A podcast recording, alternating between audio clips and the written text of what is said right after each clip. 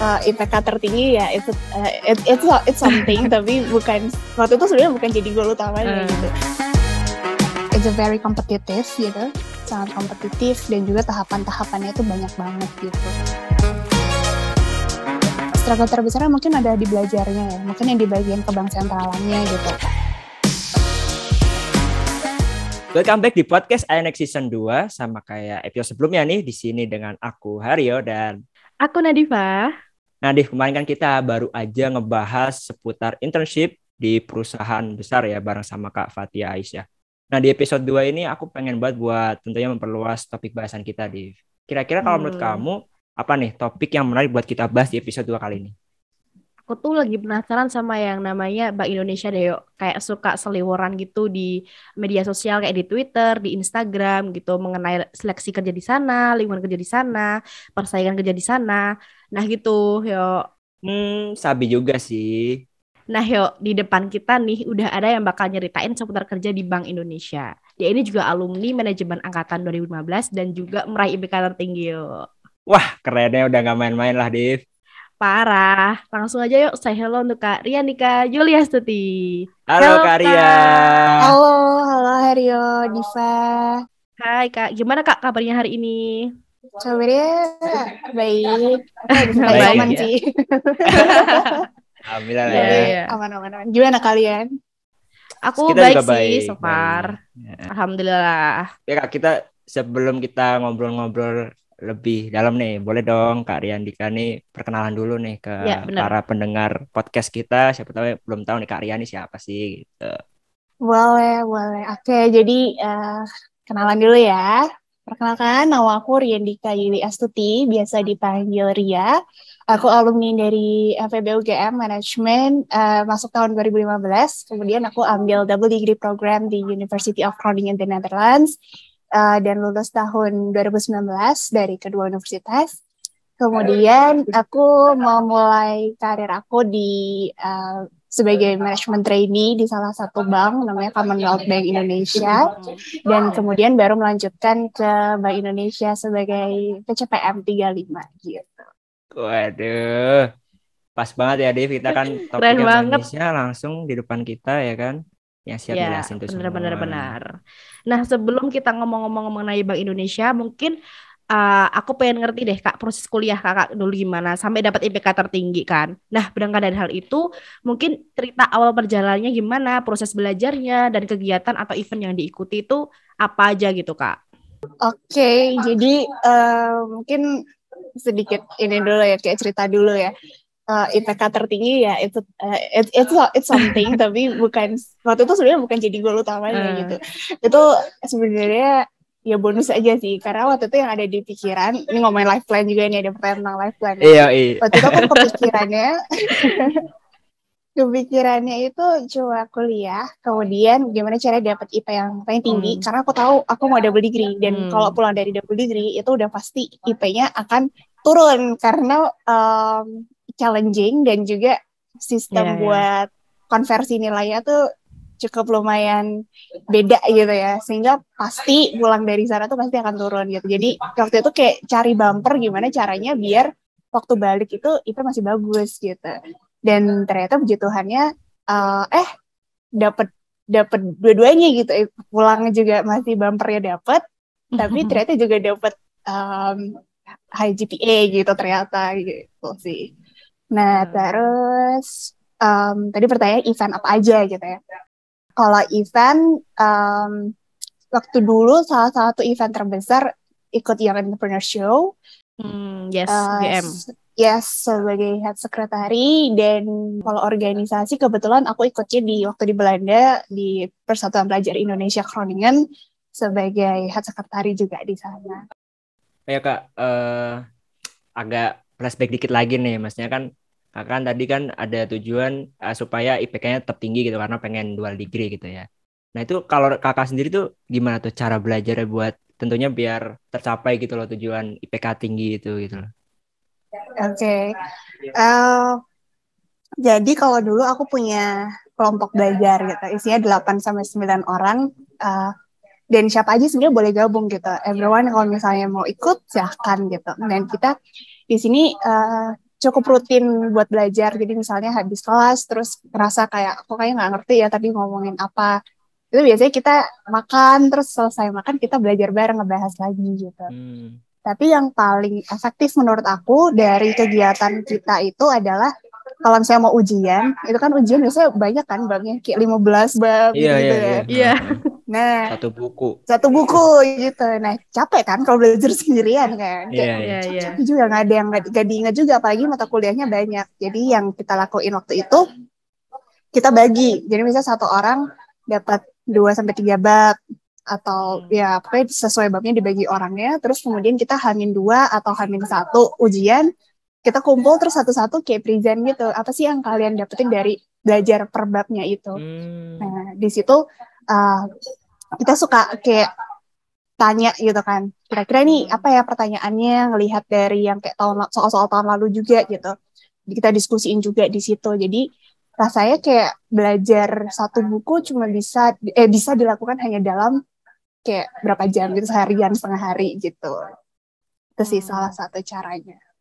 Jadi apa membentuk apa kayak grup atau kelompok belajar gitu tentunya biar saling melengkapi gitu ya. Sebenarnya ada yang jelasin beberapa chapter gitu ya biar juga ya namanya juga satu buku nggak mungkin kayak kita hafal juga kalau pelajarin SKS sendiri juga, juga susah kan, kan ya bener ya. capek kan pasti ya. jujur sih capek ya uh, oke okay seperti aku mention sebelumnya, Kak ini juga pernah dapat IPK tertinggi di manajemen UGM kala itu. Nah, pasti dalam mencapai achievement itu tuh nggak nggak sulit, uh, nggak mudah gitu maksudnya. Nah, pasti ada tantangan dan hambatannya itu sendiri. Nah, gimana sih Kak Yandika ini uh, overcome tantangan atau hambatan itu? Iya, tantangan, hambatan pasti ada sih. Uh, apa ya kalau saya dulu di waktu masih di Jogja ya karena ada teman-teman itu jadinya mau nggak mau harus belajar gitu misalnya lagi malas banget belajar um, pasti nggak mungkin kan 8 orang 9 orang malas semuanya. Pasti ada satu yang kayak ringing the bell alarm kayak guys ayo guys kita harus belajar gitu. Ada satu orang yang ingetin gitu paling enggak gitu. Jadi ya kalau lagi males ngikut aja gitu ngikut 8 eh, atau 9 orang ini kayak pasti di antara mereka ada yang belajar jadi aku dengerin gitu. Aku dengerin mereka uh, belajar belajar apa atau belajarnya gimana. Jadi seenggaknya kalau aku lagi males tetap ada yang masuk gitu. Hmm. nah selain itu juga buat keeping the motivation on um, uh, bikin ini sih bikin travel itinerary gitu kalau dulu di Belanda ya karena belajarnya juga capek juga sih di sana dan sistemnya nggak bisa sama kayak kita yang dibagi orang terus habis itu present satu-satu gitu. Hmm. Jadi kayak understanding kalau uh, this gonna be end dalam berapa waktu gitu. Misalnya tujuh minggu terus habis itu kan ganti blok kalau di sana ya. Uh, ingat aja ya udah habis habis ujian harus lulus ujiannya terus main gitu. Jadi untuk bikin tetap termotivasi adalah nggak apa kerjain dulu aja sekarang belajar dulu aja tapi habis itu nanti kita liburan gitu so apa ya in simple giving a self reward juga sih itu keeping the motivation on gitu. Hmm, oke oke mungkin sekarang waktunya kita masuk ke bagian dagingnya nih kak daging pentingnya. Bank Indonesia. Oke. Okay. Saya pasti nggak tahu Bank Indonesia ya kan. Mungkin dari awal dulu ya dari proses seleksinya. Yeah. Dari aku baca-baca di uh, Twitter, di TikTok juga terus juga di Instagram itu tuh ada yang namanya PCPM atau pendidikan calon pegawai muda dan ada dua jalur juga yaitu open recruitment sama recruitment hiring kampus kampus hiring, kampus hiring ya nah itu tuh keduanya uh, ada perbedaan nggak sih kak? Gitu. Mungkin, mungkin bisa dijelasin juga kayak PCPM itu sendiri apa ya kan? Mungkin masih belum tahu orang-orang masih belum tahu kayak bahkan singkatannya aja nggak tahu terus dan dua jalur yang tadi itu gimana kayak gitu kak. Oke, okay, iya. PCPM bener. Tadi uh, udah disebutin sama Diva ya. Uh, bisa disebutkan lagi Diva? Kepanjangannya? Pendidikan calon pegawai muda gak? Pendidikan calon pegawai muda. Iya benar itu kepanjangannya. nah, jadi uh, eh, PCPM ini adalah salah satu jalur untuk bekerja secara profesional di Bank Indonesia. So di Bank Indonesia kalau kamu mau masuk ada beberapa jalur, ada PCPM, kemudian ada uh, MLI, uh, sorry itu yang buat professional hiring maksudnya. Hmm. Kemudian uh, dulu ada juga namanya PCS pendidikan calon staff. Uh, itu itu setahu aku itu beberapa uh, cara untuk masuk menjadi pegawai organik Bank Indonesia gitu ya. Nah, uh, PCPM itu start level. So kalau misalnya mau disamakan dengan industri sekarang, it's the MC program yang ada di Bank Indonesia, Management Trainee Program. Mm. uh, jadi di situ tentu saja uh, talenta talenta muda. talenta talenta muda dan berbakat Indonesia ini akan diberikan pendidikan selama satu tahun secara intensif. Pendidikannya terdiri dari uh, klasikal selama tiga bulan, kemudian uh, ada kayak rotationnya uh, ke beberapa departemen dan juga divisi selama aku lupa dua minggu kali lima sepuluh minggu Kemudian selanjutnya dilanjutkan dengan on the job training di mana kita mulai di, di bekerja secara langsung, belajar, belajar secara bekerja, eh, bekerja dan belajar secara langsung di di, di salah satu departemen um, dan divisinya itu PCPM.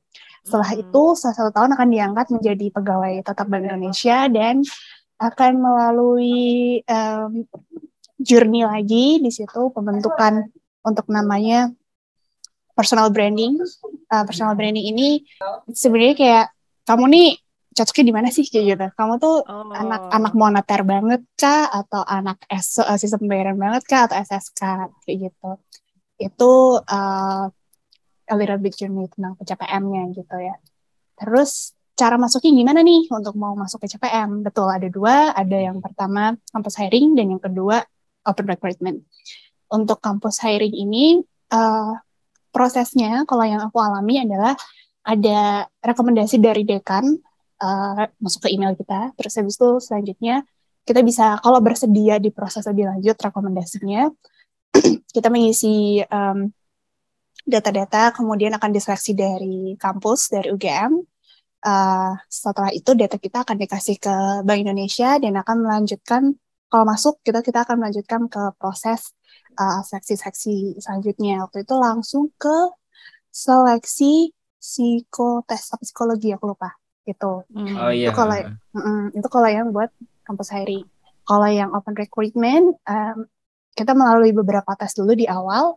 Uh, ada tes so solastik TPA yeah, gitu gitu ya yeah. skolastik TPA kemudian ada bahasa Inggris dan ke bank sentralan kalau salah. Baru masuk ke tahapan yang tes uh, psikologinya tadi gitu. Jadi kalau hmm. kampus sharing nggak lewat eh, nggak uh, ada nggak ada tes untuk uh, eh, TPA, Inggris dan juga ke bank sentralan langsung uh, seleksi di kampus gitu hmm, langsung ke psikologi. Kalau yang open recruitment ada tahapan tambahan di awalnya. Tapi kalau yang kampus sharing meskipun udah bypass yang depan di belakangnya ada tambahan lagi yaitu kita akan internship oh. dulu selama uh, satu sampai dua bulan gitu sambil nunggu yang open recruitmentnya selesai terus kita baru sama-sama masuk pendidikan gitu. Terus tadi Kak Ria juga nyebutin NLI ya. MLI. Nah, itu tuh MLI. MLI itu apa Kak? Perbedaan sama PCPM itu apa? Ya, itu buat yang aku lupa sih kayaknya namanya beneran MLI sih. Itu ya itu buat yang uh, level profesional. Misalnya yang kayak udah lima tahun berpengalaman kerja di mana kemudian Bank Indonesia misalnya lagi buka untuk hmm. apa ya misalnya Scrum Master gitu misalnya uh, lagi ada project terus buka untuk level profesionalnya uh, nah itu boleh masuk lewat MLI ini tanpa harus lewat PCPM yang grade-nya dari bawah gitu kan yang PCPM uh, oh. entry level ini ya for management gitu kayak uh, masih dari bawah gitu. Kalau yang MLI tergantung bukannya yang apa gitu. Berarti memang secara rentang waktu seleksinya tuh sama semua ya maksudnya mau dari open recruitment apa kampus hari itu tetap sama uh, uh, waktu seleksinya ya rentang seleksinya. Iya, kurang lebih enam bulanan lah. Oh, enam bulanan. Hmm. Terus kira-kira dari Kak Ria sendiri uh, selama BCPM ada nggak kayak pressure atau kesulitan tersendiri gitu selama tahap-tahap seleksinya. Oh, tahap seleksinya. Oke. Okay. Kalau tahap seleksi, um, yang jelas harus banyak-banyak berdoa ya, karena uh, memang it's a very competitive gitu, sangat kompetitif dan juga tahapan-tahapannya itu banyak banget gitu. Ania mungkin udah siap-siap banget buat interview, tapi ternyata di tes kesehatannya belum dapet gitu dan dan dan sayangnya kita tuh nggak bisa tahu nilai kita per stage-nya tuh berapa jadi kita nggak tahu kurangnya berapa so waktu um, seleksi struggle terberatnya sebenarnya kalau aku dibagi waktunya sih karena kebetulan aku udah kerja terus harus seleksi buat PCPM so hmm. harus bagi antara gimana caranya aku kerja dan juga buat seleksi gitu tapi kalau buat teman-teman semua menurut aku kalau misalnya kalian mau masuk uh, struggle terbesarnya mungkin ada di belajarnya ya, mungkin yang di bagian kebang sentralannya gitu untuk memahami sebenarnya di itu apa sih gitu. Karena jujur mungkin kalau bukan anak IE nggak uh, tahu gitu BI itu sebenarnya kerjanya ngapain gitu. Nah mungkin belajarnya itu yang akan akan a little bit struggle gitu kalau menurut aku. Hmm, berarti di dalam proses PCPM itu sendiri harus ngerti ekonomi juga ya kak? Maksudnya kayak pelajaran pelajaran di IE gitu gitu. Um, sebenarnya basic-basic aja sih. Um, seenggaknya tahu BI itu kerjanya ngapain gitu kan. Oh, okay, okay. Um, so tipsnya menurut aku buat teman-teman yang mau coba adalah jangan lupa baca websitenya. Itu karena eh, website itu salah satu modal yang gampang untuk didapatkan gitu dan informasinya cukup lengkap gitu. Di situ kamu bisa belajar BI itu pilarnya ada apa aja, terus habis itu tugas tugasnya apa, terus setiap pilar ini gunanya untuk apa um, dan di situ kalian juga bisa pilih oh, maksudnya bi bisa bukan pilih yang pasti dapat ya tapi kayak dapat gambaran kalian nanti kira-kira ingin berkontribusinya di bagian yang mana gitu. Jadi um, dari pengalamanku aku nggak ditanya secara teoritis misalnya kayak jelaskan kurva ISLM gitu. Enggak enggak ya even kalau misalnya aku ditanya itu mungkin aku nggak masuk juga sih saya nggak tahu. Jadi aku lebih ditanya sih kayak kamu mau berkontribusi di bagian apa? Kan ada tiga pilar nih, kamu mau yang mana? Gitu. At least you understand gitu tiga pilar itu apa dan mau di mana kontribusinya tuh apa gitu. Hmm. Berarti ini secara tidak langsung itu eh sorry. Ini tuh uh, kayak gitu tuh berarti bisa milih Kak mau sebagai apa nanti besok saat jadi pegawai.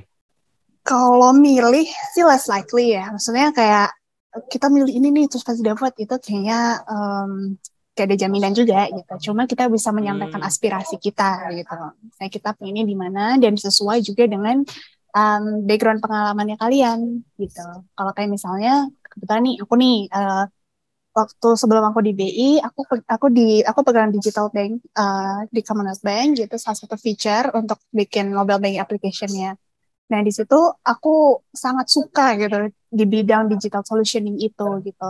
Uh, dan pengalaman aku waktu itu jadi product owner megang salah satu feature itu adalah ya system development gitu, uh, feature development gitu. Aku ceritain bahwa oh ada kegiatan kegiatan uh, misalnya ngelit story grooming nih, bikin bikin story, terus habis itu harus ngobrol sama technical leader dan lain sebagainya dalam melakukan suatu pengembangan sistem. Dan emang aku uh, punya misi kayak aku kepingin bahwa suatu sistem pembayaran yang maju nih di Indonesia sama seperti waktu aku pernah ngalamin dulu di Belanda gitu. Nah ternyata uh, di situ waktu aku sampaikan itu uh, dan ditanyain juga berarti kamu mau di sistem pembayaran nih gitu kan ditanya sampai hmm. berkali-kali dan aku bilang iya aku mau di sistem pembayaran gitu dan hands up uh, kebetulan juga penempatannya di sistem pembayaran itu gitu oh, berarti, berarti intinya berarti secara secara keputusan tuh ya dari Bank Indonesia gitu ya ya secara keputusan oh. dari Bank oh. Indonesia disesuaikan dengan um, backgroundnya kita juga ya. Dan ada tes juga nggak kak? Maksudnya kayak uh, mau kan judul analyze kan. Nah itu kayak kamu masuk bilang ini tes dulu ini gitu. Atau cuma sesuai sama pengalaman gitu? Uh, sebenarnya untuk namanya penempatan itu um, banyak faktornya ya. Dan dan dan uh, kita juga nggak bisa bilang bahwa ini cuma dari pengalaman gitu. Nggak bisa juga. Karena hmm. kita kan dalam satu tahun itu kita di dikasih pendidikan. Jadi benar-benar kita kuliah lagi. Nah di setiap harinya even itu tuh ada tugas gitu. Ada tugas yang harus kita kumpulkan uh, dan itu akan dinilai juga. Dan kita benar-benar dikasih pelajaran central banking gitu benar-benar kayak kuliah yang dipadatkan jadi tiga bulan gitu. Dan dan di situ ada tugas-tugasnya itu ujiannya gitu. Kemudian uh, di sepanjang uh, setelah klasikal kan ada orientasi. Nah orientasi itu per dua minggu kita disuruh buat makalah. Jadi kayak bikin skripsi lah istilahnya kamu mau meneliti apa nih di di di divisi hmm. ini gitu kamu mau bikin um, suatu masukan apa penelitian apa itu uh, dikumpulkan setiap dua minggu Kemudian ketika OJT juga kita dinilai juga, uh, kita bikin makalah dan juga kita mempresentasikannya. Uh, itu juga jadi komposisi membentuk komposisi nilainya kita. So dalam satu tahun kita benar-benar dinilai gitu uh, from every aspect gitu. Hmm. dengan mentor yang berbeda-beda. Oh berarti sebelum pegawai tetap jadi pegawai tetap tuh harus ada tiga bulan masa PCPM itu. Setelah kita lolos tahapan seleksi PCPM berarti kan ada tiga kayak kuliah tadi kan kak sebelum jadi pegawai tetap. Oh. Jadi uh, seleksi PCPM, if you enter PCPM, kamu akan pendidikan dulu selama satu tahun. Oh. Eh, itu satu tahun, jadi tiga bulan klasikal, kemudian habis itu ada orientasi 10 minggu, kemudian sisanya adalah OJT. Itu satu rangkaian pendidikan dalam satu tahun, baru kemudian diangkat menjadi pegawai tetap gitu. Hmm, ya, ya, ya. Kak, aku agak flashback dikit tadi, uh, lupa aku tanyain ya. Sebenarnya kalau yang seleksi PCPM itu perlu CV juga, Kak? Oh, of course, ya. Yeah. Uh, CV penting banget. Jadi pertama kali kamu daftar, pasti upload salah satu dokumennya adalah CV. Hmm. Kalau dari kakak sendiri, uh, menurut kakak itu CV yang kayak gimana sih yang kira-kira yang lebih menjadi pertimbangan gitu loh kayak uh, apakah kemudian apa seleksi administrasinya lah gitu. Hmm, maksudnya kayak apakah yang dilihat tuh kayak yang dia sering ikut event organisasi atau mungkin dari PK-nya atau dari pengalaman atau relate lainnya. dengan keuangan gitu kak? Uh -uh, kayak gitu. Oke, okay. so uh, mungkin aku bagi pengalamanku ketika aku ikut um, master class buat bikin CV ya aku dulu.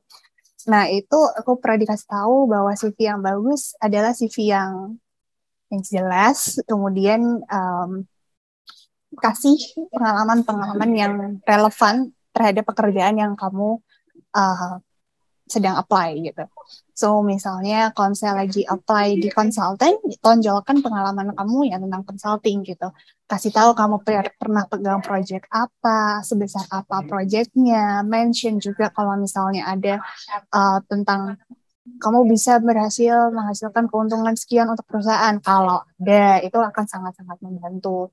Tapi misalnya kamu lagi daftar buat CPM gitu misalnya, uh, ya kamu fokus uh, mau apa yang kamu tonjolkan dari dirimu. Misalnya oh uh, aku um, aku punya enthusiasm dalam digital solutioning gitu. Aku akan tulis di situ I'm an enthusiast in digital solutioning. Dengan background aku pernah bekerja di uh, di di digital bank uh, memegang feature ini gitu. Jadi tips aku kalau misalnya CV yang bagus tuh yang seperti apa dan CV yang relevan gitu. Yang relevan dan jelas gitu, tidak berbelit-belit gitu. So you don't need to mention semua prestasi kamu misalnya atau semua event yang pernah kamu ikutin, tapi tulis hmm. yang relevan dan yang pasti oh. ketika ditanya kamu bisa cerita kamu tuh di situ ngapain dan belajar apa, uh, apa edit value-nya mengikuti suatu event atau suatu kegiatan tersebut terhadap diri kamu. Gitu sih. Bisa bertanggungjawabkan juga kayak ya apa yeah. yang ia tulis gitu kak. Benar. Oh, okay, okay. Hmm, kok kira dimasukin semua kak? oh, Enggak ya? Panjang banget dong kalau Haryo. iya, jadi kayak perlu diingat juga kan yang daftar itu kan banyak ya. Nah, gimana sih caranya? Kita mikirnya gini, gimana cara biar CV kita tuh stand up gitu kan? Dengan ribuan ini gimana akhirnya CV kita bisa terpilih gitu? Ya bayangin aja kalau misalnya kita jadi orang yang ngebaca CV iya ratusan ribu, terus kamu bikin CV kayak baik banget, padahal kamu tahu nih aku mau cari orang buat apa marketing gitu misalnya. Ya aku sih bakalan lihat yang uh, oke okay, eh, dia punya pengalaman marketing. Oke okay, aku kan source ini kan gitu. Hmm ya ya ya, lebih tahu nih. Oke oke. Nah ini aku mau ini kak uh, ngomongin tentang pencapaian kak pencapaian kakak yang menjadi top 10 best graduate PCPM 35 ya kak? Ranking yeah. 8 dari 175 peserta. Wah keren banget tuh nah kalau itu peringatan itu dinilai uh, berdasarkan apa tuh maksudnya kayak emang nilai secara uh, keseluruhannya apa kayak gimana tuh kak? Atau nilai skripsi tadi yang kayak bikin makalah-makalah gitu? Oke, okay. kayaknya jadi salah satu komponen penilaiannya juga. Jujur sih emang gak dikasih tahu secara gamblang ya. Itu kayak nilainya berapa itu nggak dikasih tahu juga dan penilaiannya nih komponennya apa aja. Cuma uh, ya dengan kita melakukan pendidikan dan kita understanding kalau everything what we do adalah dinilai ya Berarti kurang lebih uh, ah, from iya, all the iya, process iya. satu tahun yang kita lewatin itu gitu. Itu ada yang nggak lulus nggak kak? Uh, tentunya karena ini sangat kompetitif, jadi uh, pasti mereka punya suatu minimum standar ya ketika itu tidak dipenuhi ya belum bisa lanjut. Mungkin itu aja sih aku hmm. bisa kasih tahu gitu ya. Oke oke oke. Eh, aku juga mau tanya deh kak. Uh, kalau misalnya dalam proses PCPM-nya dia kayak pengen apa ya resign atau keluar dari PCPM, nah itu tuh ada penalti sendiri nggak kak?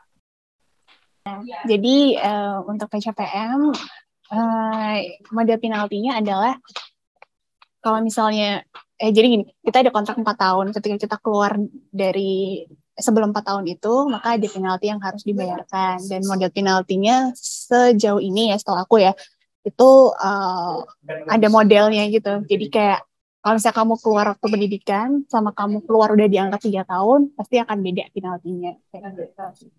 Terus kalau pemeringkatan itu tuh uh, nggak kak buat penempatan kerja ke depan? uh, uh, ini pertanyaan yang cukup sulit sih karena jujur kita juga nggak tahu ya itu uh, impactnya seberapa besar. Cuma cuma mungkin yang bisa di note adalah uh, itu akan kita punya catatan bahwa oke okay, kita punya prestasi nih di Bank Indonesia sehingga ini bisa jadi pertimbangan ketika uh, misalnya mau ada promosi atau um, ada ada hal lainnya gitu yang yang lagi di review nih orang per orang gitu kan sama aja kayak kita membuat CV tadi BI gitu. Hmm, oke okay, oke. Okay. Aku sekarang kepo deh Kak, kayak daily work atau daily activities Kakak sebagai junior analyst di BI itu seperti apa atau kayak lagi kerjain apa dan kerjanya tuh selalu ngotak-ngatik uang nggak gitu? Oke, oke. Okay. Ini menarik sih. Um, selalu ngotak-ngatik uang apa enggak gitu. Mungkin aku mulai dari saya Bank Indonesia ini kerjanya ngapain gitu ya. Sebagai edukasi juga nih buat teman-teman. Uh, Bank Indonesia ini adalah bank sentral. Tugasnya adalah menjaga kestabilan nilai rupiah terhadap barang dan jasa atau inflasi dan juga terhadap mata uang asing. Hmm. Jadi lebih ke makroekonomi. Nah, terus apakah untuk menjalankan tugas itu berarti tiap hari semuanya akan berhubungan dengan uang? Nah, itu dibagi dalam tiga pilar. Jadi nggak semua gitu. Ya, ya maksudnya semua berhubungan, tapi nggak semua ngurusin duit banget gitu ya. Uh, jadi dibagi tiga. Yang pertama adalah moneter, yang kedua adalah uh, stabilitas sistem keuangan, dan yang ketiga adalah sistem pembayaran. Untuk moneter kerjaannya ngapain gitu? Moneter ini ya uh, tadi menjaga stabilitas ini dilihat nih inflasi kayak gimana dengan ilmu-ilmu makroekonomi. Jadi misalnya nih kayak sekarang inflasi tiba-tiba 4,35 gitu di atas uh, eh 4,53 tadi di atas perkiraan uh, Bank Indonesia gitu target inflasinya. Nah, ini teman-teman yang ada di moneter ini akan mulai berpikir oh ini gimana nih untuk mengendalikan inflasi? Apakah inflasinya ini uh, berbahaya banget atau enggak? Apakah kita harus benar-benar menaikkan suku bunga sekarang? gitu Nah, itu dikaji, dilihat secara uh, makroekonomi dan oleh teman-teman moneter. Kemudian untuk stabilitas sistem keuangan. Nah, stabilitas sistem keuangan ini uh, tugasnya seperti hmm, penjaga hutan gitu ya, kalau kita ibaratkan. Nah, hutan ini sih siapa sih? Ada pohon-pohon. Pohon-pohonnya siapa? Pohon-pohonnya ini bank. Jadi dia akan lihat secara makro, secara hutannya, hutannya baik-baik aja apa enggak nih? Atau ada yang macet? Atau ada ada pohon yang berpotensi membuat eh, pohon-pohon lainnya berdampak gitu. Nah ini tugasnya uh, eh, FSK. Kemudian untuk sistem pembayaran, nah sistem pembayaran ini seperti uh, pembuluh darah keuangan nasional uh, Indonesia.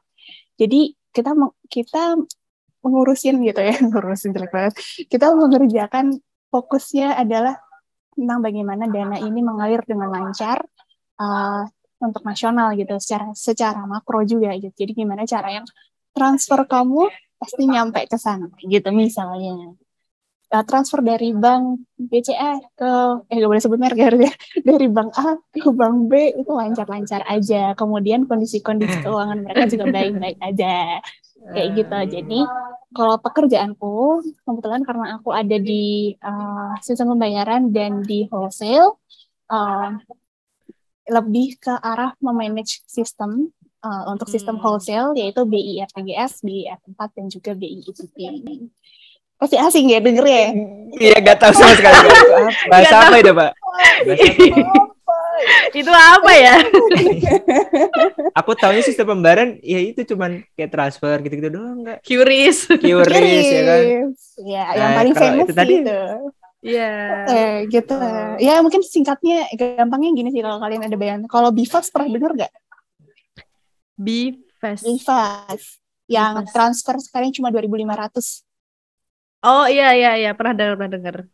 Itu kakak yang handle itu. Nah, itu divisi aku. Nah, itu untuk retailnya. Oh. Nah, gitu. Mungkin yang kalau dekat dengan dengan yang pesanan langsung yang retail nih. Nah, itu memanage sistem itu. Cuma kalau aku di sistem yang buat nilai besarnya. Kalau saya pernah tahu surat berharga Bank Indonesia gitu. Iya. Iya, SBN gitu. Nah, itu ada sistemnya kan. Nah, itu sistemnya di manage sama uh, departemen Oh. aku gitu, divisi aku. Iya iya iya. Nah, Paham, gitu. paham, paham. Gimana ya mau kerja di sana? Gimana? Jadi masih tertarik sama BI gak? Tertarik sih tertarik ya. Tapi ya perlu perjuangan. tapi tapi aku penasaran deh eh, kalau dalam benak kalian sebelumnya eh kan tadi kayaknya Haryoni yang bilang kayak aku Apa? tertarik nih ke BI gitu kan di awal tadi gitu dalam pikiran kamu Oh itu diva kak, diva kak. Ya tapi ah, gimana gimana kak gimana? ya, dalam dalam persepsi kamu tuh BI ngapain sih Kalau kan kalau dulu kan aku belajar di SMA ya, Mm-mm. itu kan ada tuh sosum kan belajar tentang eh, bank sentral. Ya Mm-mm. yang aku tahu ya paling cuman itu kak kayak ya itu cuman menjaga apa stabilitas sistem Iya. moneter, sistem keuangan. Gitu aja sih kak. Moneter gitu-gitu. Sebenarnya bikin duit bikin duit ah, Ya. ya kan? cuman itu doang sebenarnya. Makanya Kayak sebenarnya money heist tuh. ah sebenarnya kita nggak kebayang tuh kak. Sebenarnya kita pengen tanya tapi takut pertanyaannya tidak bermutu ya. malah bermutu Iya, enggak maksudnya ini loh kak kayak di bank Indonesia bank. wujudnya seperti apa gitu loh. Iya, Iya. maksudnya kayak kan kalau di money heist tuh kan ada kalau di BI-nya BI-nya di money heist tuh kayak ada gudang uang yang gede banget kan. Nah, kalau di Hmm. BI BI yang Indonesia tuh kayak gitu gitu. ya tentunya itu bukan pertanyaan bodoh pertanyaan yang pertama Oke siap. itu juga, itu juga pertanyaanku ketika masuk Oh, oke. Berarti nggak bodoh tuh di. Enggak. Jadi jawabannya ada. Itu ada. Namanya Hasanah. Hasanah Bank Indonesia. Eh, katanya, ya aku juga belum pernah ke sana sih sebenarnya. Katanya iya gitu. Ada ada uang-uangnya, ada emas-emasnya katanya ya. Cuma kalau Bank Indonesia itu sendiri sebenarnya kayak apa? Sebenarnya gedung kantor sih guys. Oh. Gedung kantor berarti- dengan kubikel-kubikel. Ah, berarti ada ada tempat tertentunya lah ya, nggak semua jadi satu gitu ya kak ya. Iya, benar banget. Gitu. Dan kalau misalnya kalian, jadi BI itu kan luas banget guys. Maksudnya nggak cuma luas di yang pusat ya, tapi kita ada dari ujung ke ujung Indonesia gitu kan. Dari barat ke timur, utara ke selatan ada semua. Nah, di sini uh, kita bagi-bagi juga nih perannya. Jadi ada yang Bank uh, Bank Indonesia yang di kantor pusat, uh, tugasnya utamanya misalnya membuat kebijakan. Nah, ada juga Bank Indonesia yang di bagian daerah-daerah. Nah, daerah-daerah ini menjalankan kebijakan yang telah dilakukan oleh eh, Bank Indonesia, eh, telah dibuat oleh Bank Indonesia Pusat gitu. Jadi mereka, eh.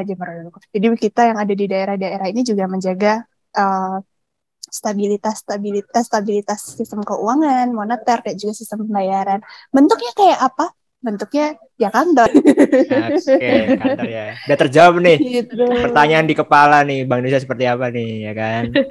Iya. Ya kak, tadi kan kak, eh, kalau nggak salah kakak sekarang lagi di Jakarta kan ya? Mm-mm.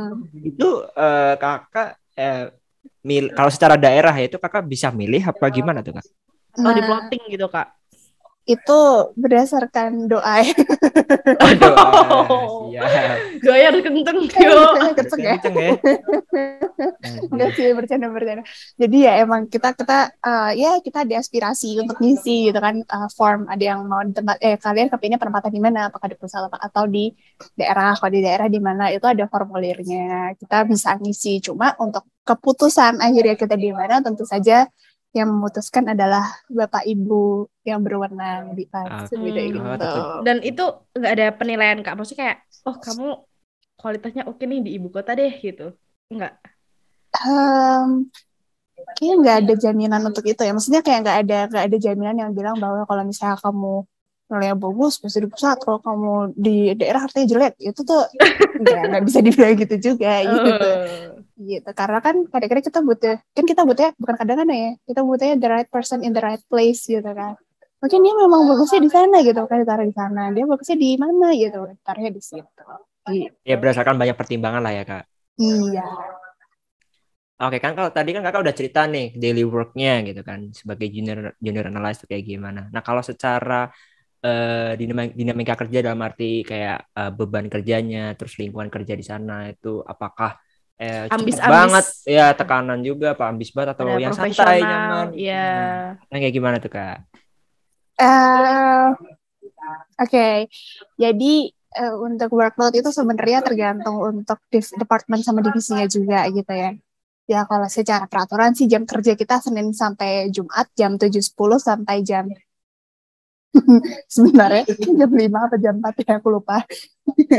itu secara peraturan. Cuma maksudnya kalau um, ya kita nggak bisa deny juga kalau misalnya lagi ada hal-hal yang urgent, tentu pasti kita harus menyiapkan juga karena kan ya everything harus dilakukan sama semua yang terlibat gitu kan. Kadang-kadang uh, ada suatu hal yang urgent banget dilakukan, harus dilakukan rapat dewan gubernur gitu, sama jajaran gubernur gitu, sama pak sama pak gubernur juga gitu.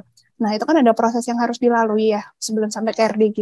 Dimulai dari rapat teknis dulu, kemudian rapat ini dan itu gitu. Nah kadang-kadang ya mau nggak mau kita harus siapin itu gitu. Jadi workloadnya ya uh, it depends gitu it depends tapi everything ya double kita punya teman-teman kita nggak mungkin ngerjain sendirian kita punya peers kita punya grup kita punya atasan yang selalu siap membantu uh, dan yang membedakan ya ini yang aku pribadi rasain ya. Uh, sebelumnya kan aku di perusahaan swasta dan uh, apa swasta Australia gitu dan sekarang di Bank Indonesia. Uh, bener-bener kerasa Indonesia banget ya. Maksudnya kayak berat sama di jinjing eh apa sih ringan sama di pikul kembali gak sih? Ya gitulah. Uh, teamworknya kerasa banget gitu. Jadi ya nggak mungkin menderita sendiri. Gitu.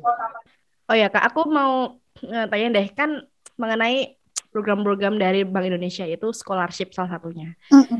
ada yang banyak yang ikut dan banyak yang lolos mengenai beasiswa Bank Indonesia beasiswa Bank Indonesia. Nah, hal itu tuh mempengaruhi chance kita nggak untuk keterima jadi pegawai di sana atau emang nggak berimpact gitu? Uh, maksudnya hal itu uh, kita udah dapat beasiswa duluan atau kita mau ambil beasiswa? Iya kayak uh, experience dapat oh pernah dia pernah dapat beasiswa Bank Indonesia nih berarti chance-nya gede buat masuk melalui seleksi pegawainya gitu atau nggak berimpact? Oh Genbi ya maksudnya ya? Ya, ya, ya. Oh oke okay, oke okay, oke. Okay. Hmm, jujur kalau aku sih dulu baru tahu Genbi itu ketika masuk tapi banyak hmm. juga yang teman-teman aku masuk itu mereka adalah Genbi juga gitu mungkin hmm. kalau misalnya dibilang apakah jadi pertimbangan khusus aku nggak tahu cuma at least ketika kamu dekat gitu maksudnya dekat dalam artian kamu membiasakan dirimu dengan suatu hal itu kan berarti ilmu kamu juga lebih familiar kan terhadap itu gitu itu yeah, akan yeah, membantu yeah. kamu sendiri sih untuk proses belajarnya mengenal Bank Indonesia gitu. Hmm. Oh ya kak, aku mau nanya nih kan kakak juga udah bekerja, bekerja ya lumayan lama, ya udah mulai bekerja lah di Bank Indonesia gitu kan. Nah, kira-kira kalau dari kakak sendiri uh, skill skill apa sih yang per, dibutuhkan supaya bisa survive di sana ya bisa entah hard skill atau soft skill tertentu kayak gitu. Oke, okay. Uh, kalau misalnya tentang hard skill, tentu saja nanti kita ketika masuk pun akan di mapping lagi, akan di mapping kira-kira kita butuhnya apa, dan itu akan diberikan uh, pelatihan-pelatihan juga itu sama Bank Indonesia-nya. Uh, kalau misalnya baru pertama kali masuk, hard skill yang dibutuhkan apa? Tentunya pengetahuan tentang, at least kamu tahu proses bisnisnya gitu ya. Tahu proses bisnis di Bank Indonesia itu apa, di setiap divisinya itu ngapain, dan keterhubungan antar uh, divisi dan departemen ini pekerjaan ini apa outputnya seperti apa prosesnya hmm. seperti apa itu uh, hard skill yang kamu butuhkan. Kalau misalnya kita mention perlu ngerti tentang makro nggak kak? Perlu ngerti tentang mikro nggak kak? Gitu kan. iya. Yeah. ya ya you need to know. Maksudnya tapi ya ya ya ya itu bikin basic understanding ya ke kamu gitu kan. Bukan artinya kamu harus kayak jago banget nih makronya gitu. Enggak tapi ya at least you know gitu. Banyak pengetahuan yang kamu harus tahu. Misalnya kamu harus tahu eh bukan harus tahu kamu bagus kalau misalnya tahu tentang um, finance gitu at least kamu tahu instrumen-instrumennya misalnya kayak gitu itu uh, akan membantu kamu juga dalam pekerjaan Nah, kalau soft skill, uh, ini banyak banget juga sih. Uh, leadership skill, communication skill, gimana caranya kita ngobrol sama uh, peers kita yang generasinya udah beda gitu. Jadi, uh, Bank Indonesia itu ada suatu tempat pekerjaan yang kamu diekspektasi untuk bekerja di situ sampai sampai pensiun. Jadi, ketika kamu masuk nih, kamu buka HR ini ya, sistemnya, tuh deh deh tanggal masuknya kapan, tanggal pensiunnya kapan gitu. So you can imagine saat ini ketika kamu masuk pasti udah ada orang-orang yang bekerja sudah 20 tahun, 25 tahun, 30 tahun, ada yang baru 2 tahun. Dan itu kan lintas generasi. So you need to have a skill buat uh, gimana sih caranya aku bekerja sama dengan uh, bapak ibu dan mas mbak yang ada dan udah beda cara ngobrolnya mungkin uh, cara pemikirannya juga agak beda mungkin kalau kita pengen cepet cepet cepet cepet cepet gitu mungkin mereka yang kayak calm down kalian harus ngerti hmm. dulu sampai dalam dan hmm. jangan cepet cepet okay. kayak gitu dan yang paling penting adalah uh, motivasinya sih jadi kayak karena ada banyak hal yang banyak waktu yang akan bikin kamu bertanya sama dirimu sendiri kayak aku ngapain sih di sini nah itu ensure kalau kamu punya jawaban yang sustainable gitu Uh, karena ketika kamu punya jawaban-jawaban yang gak sustain, ya akan cepat menyerah dan mungkin akan cepat ingin keluar aja gitu. Hmm, iya iya iya. Motivasinya okay, harus kuat gitu ya kak ya. Benar. Aku juga mau tanya mengenai karir pet atau jenjang karirnya di Bank Indonesia. Nah itu ada nggak sih kayak uh, mau naik posisi atau promosi apa ya? lah istilahnya. Promosi jabatan lah. Nah itu tuh gampang nggak kak? Atau kayak melihatnya jangka panjangnya itu sebuah jenjang jenjang karirnya mudah atau enggak gitu? Uh, jadi gini, kalau di Bank Indonesia itu dari DSDM, Departemen Sumber Daya Manusianya, mereka punya uh, blueprintnya ya, saya blueprint untuk path-nya uh, seorang mm -hmm. se talent ini akan ke mana dan melalui proses apa aja, itu udah ada path-nya dan sangat jelas. Uh, jadi uh, mereka punya mapnya. Misalnya dalam waktu satu tahun pertama setelah PCPM kamu harus ngapain gitu? Yang diharapkan apa gitu? Yang diharapkan oh uh, dikasih mentor kemudian kamu ngobrol sama mentornya kira-kira apa saja yang perlu dikembangkan dari diri kamu. Kemudian nanti setelah itu uh, beberapa, beberapa tahun mungkin akan ada rotasi misalnya untuk belajar hal yang lain sampai akhirnya membentuk satu uh, branding tadi untuk membentuk kamu tuh sebenarnya jadi bagusnya tuh di mana gitu membentuk kau paling kuatnya tuh strong point kamu di mana. Dan kemudian ya akan disesuaikan lagi nih kamu butuh apa lagi dikembangkan apa lagi gitu. Dan dan uh, eh, BI ini juga mau akan ke mana SDM-nya disesuaikan dengan itu. Itu ada gitu. Mengacu pada uh, hal tersebut ya kak. Berarti kalau dari Bank Indonesia sendiri tuh ada fasilitas apa aja sih kak buat menunjang para pekerjanya kayak gitu?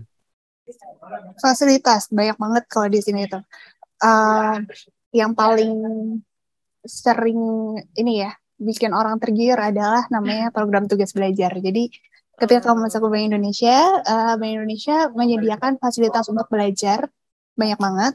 Kamu bisa S2 atau S3 di dalam negeri dan luar negeri. Uh, kemudian juga dengan pilihan kampusnya juga nggak sembarangan pastinya.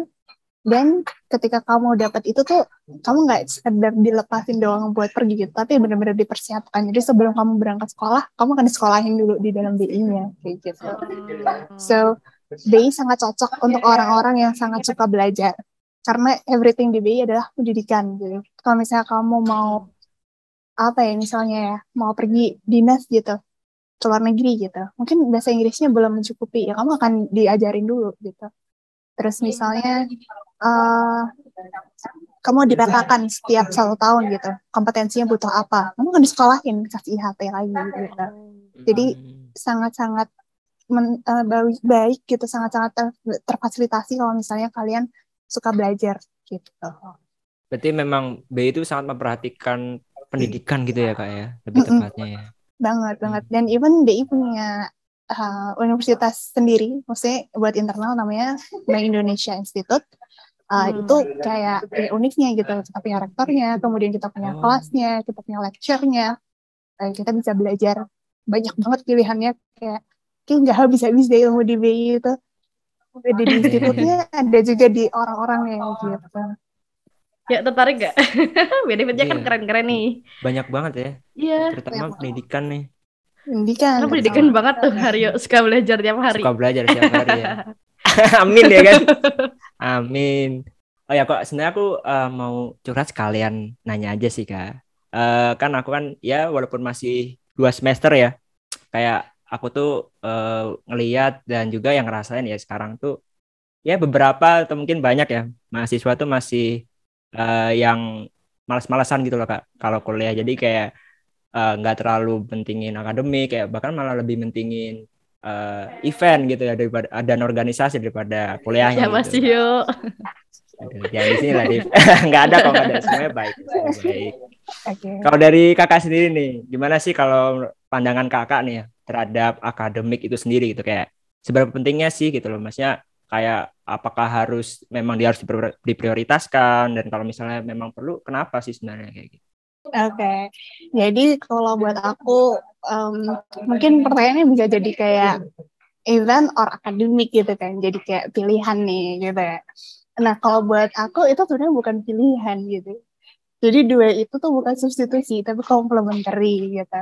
Jadi em, gini, ketika misalnya kita cuma boleh milih salah satu gitu ya, atau kita mem- membuat diri kita memilih salah satu gitu.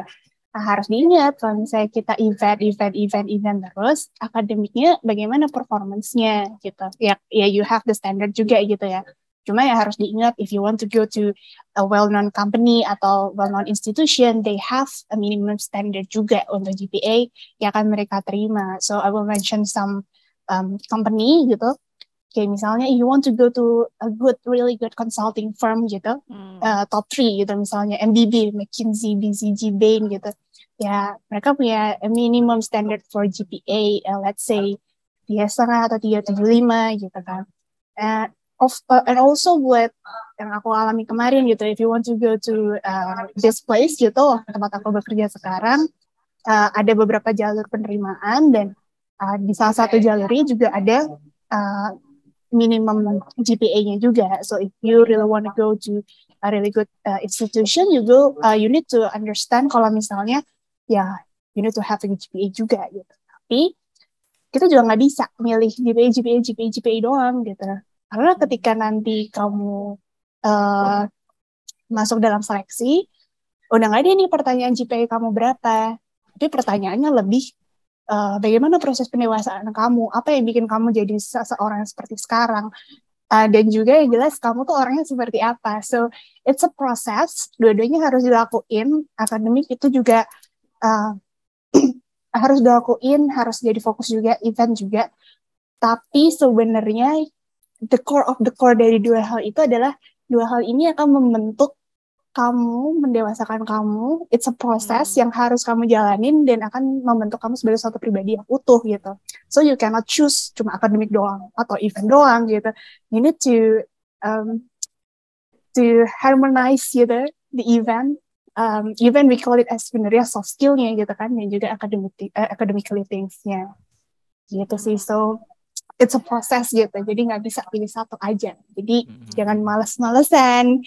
Ya, additional things juga mungkin uh, ada juga teman-teman kita yang mungkin ada beberapa hal yang membuat mereka jadi sepertinya nggak event deh gitu, bukan anak event deh. Kayaknya gue juga capek banget kalau misalnya event sambil belajar gitu kan.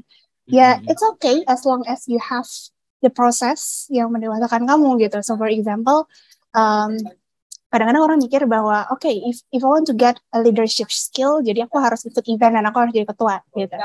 Paling enggak ketua bidang apa kek gitu. Ketua acara ya ibarat acara si acara gitu kayak. Nggak harus seperti itu juga. Event kalau misalnya kalian ada di satu uh, kelompok lagi kerja kelompok and then you got a problem di kelompok kalian dan you take a role as a leader itu juga sebenarnya building up Hmm. your skill juga gitu. So Hmm.